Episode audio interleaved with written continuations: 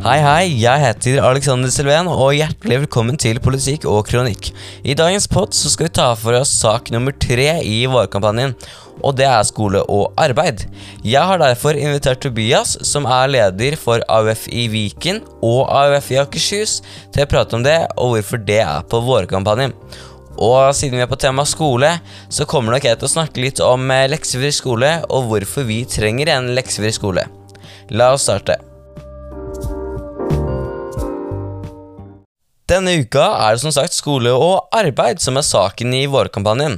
Tobias Linge, som er leder for AUF i Viken og AUF i Akershus, skal snakke om det. Så da setter jeg over til Tobias Linge.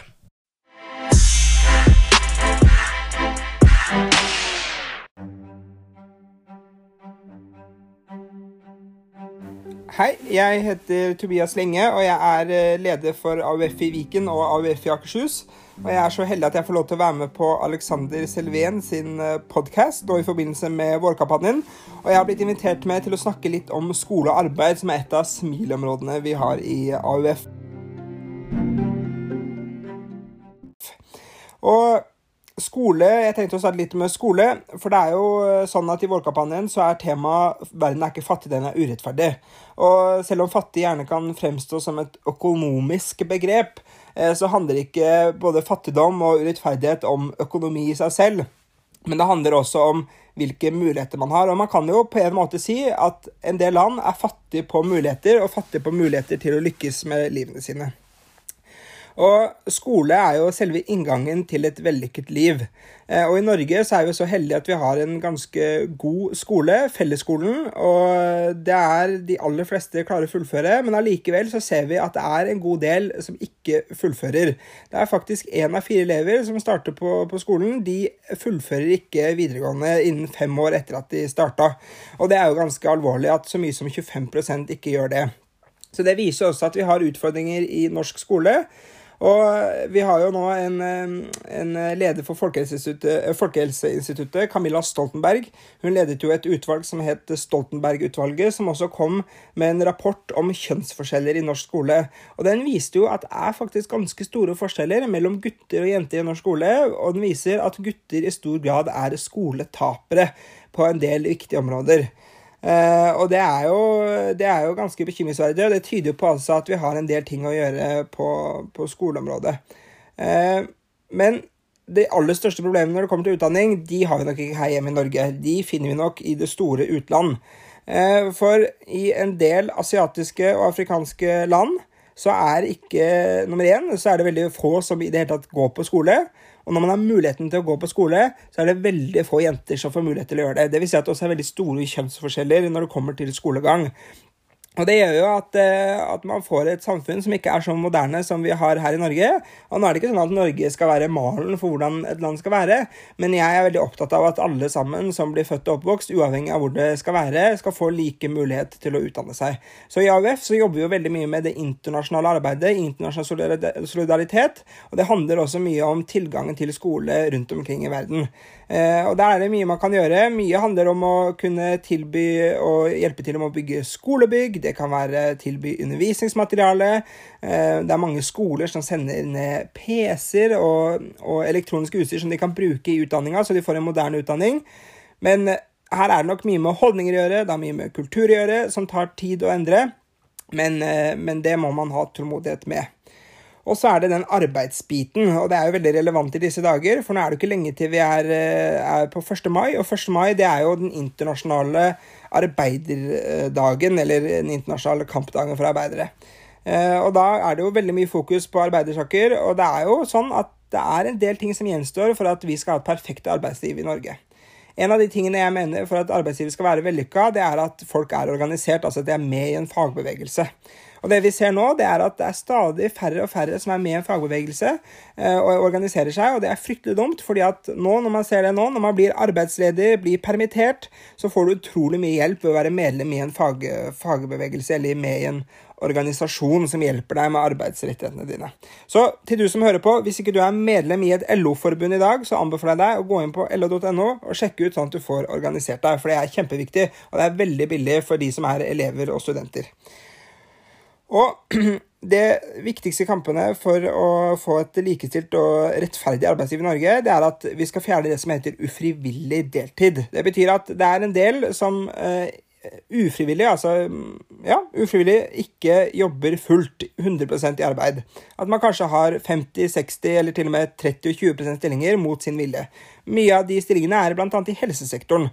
Så her har vi en jobb å gjøre med å, sørge for hele og faste ansettelser. Det er kjempeviktig. Å fjerne midlertidige ansettelser, sånn som eh, dagens regjering åpner mer og mer for. Det mener vi. Og så er det jo, I disse koronatider så er det veldig mye fokus på helsevesenet. og Det er ikke noe tvil om at eh, helsesektoren er svært underbemanna, og det er mange som tjener langt under det man fortjener å tjene for en sånn type jobb. Eh, så her er det snakk om å både få gode lønnsvilkår, eller bedre lønnsvilkår, og få bedre arbeidsvilkår generelt. Det tror jeg vil gjøre mye for, eh, for arbeidet. Så kunne man selvfølgelig snakka i lang lang tid om eh, dette temaet her, men det var i hvert fall en liten, en liten dykk ned i det store universet om skolearbeid. og er du interessert i å lære mer om skolearbeid, nummer én, så anbefaler jeg deg å sjekke ut AUF sine nettsider, eller så kan du sjekke ut AUF på Facebook. Og aller best, meld deg inn i AUF hvis du har lyst til å lære mer om politikk, og ikke minst påvirke politikk. Tusen takk. Tusen takk til Tobias Linge. For det er akkurat som Tobias og AUF sier, verden er ikke fattig. Verden er urettferdig.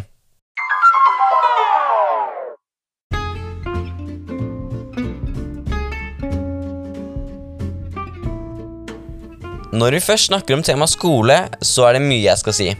Lekser er urettferdig. Man kan si mye om lekser, men lekser, det er urettferdig. For de som får med seg det de skal i timene, kan lekser fungere som en fin repetisjon på ting de allerede har lært.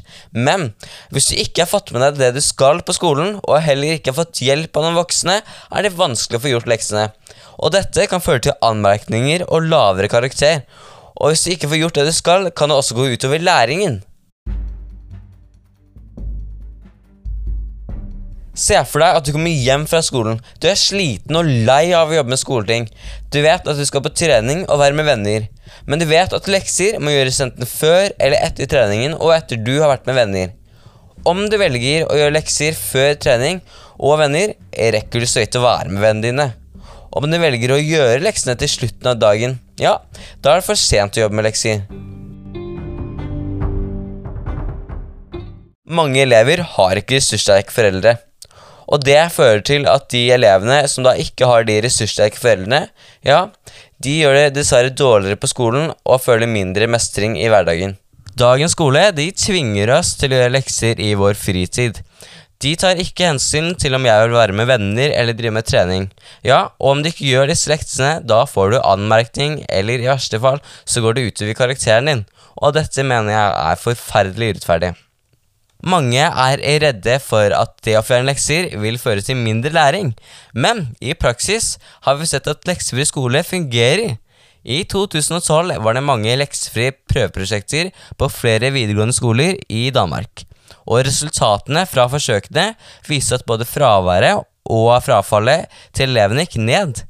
På gymnaset CPH vest i København gikk elevenes frafall ned med 15 og fraværet gikk ned med 10% Leksefri skole var en gigantisk motivasjonsboost for elevene, og forskningen viser at eh, det ikke førte til negative konsekvenser for skoleresultatet. Gjennomsnittskarakteren til elevene gikk faktisk opp med 1,1 og det du kan gjøre for å påvirke denne kampen mot lekser, er å melde deg inn i AUF om du ikke allerede har gjort det. For AUF ønsker en skole der du er på skolen litt lenger, men at det blir slutt på hjemmelekser. Så om du ikke er medlem i AUF, så bør du melde deg inn nå. Noe du også kan gjøre, er å melde deg inn i Elev mot lekser. Søk på elevmotlekser.no og meld deg inn i dag. Og det er en organisasjon som er politisk uavhengig. Takk for at du hørte på denne episoden. Og husk verden er ikke fattig, men den er urettferdig.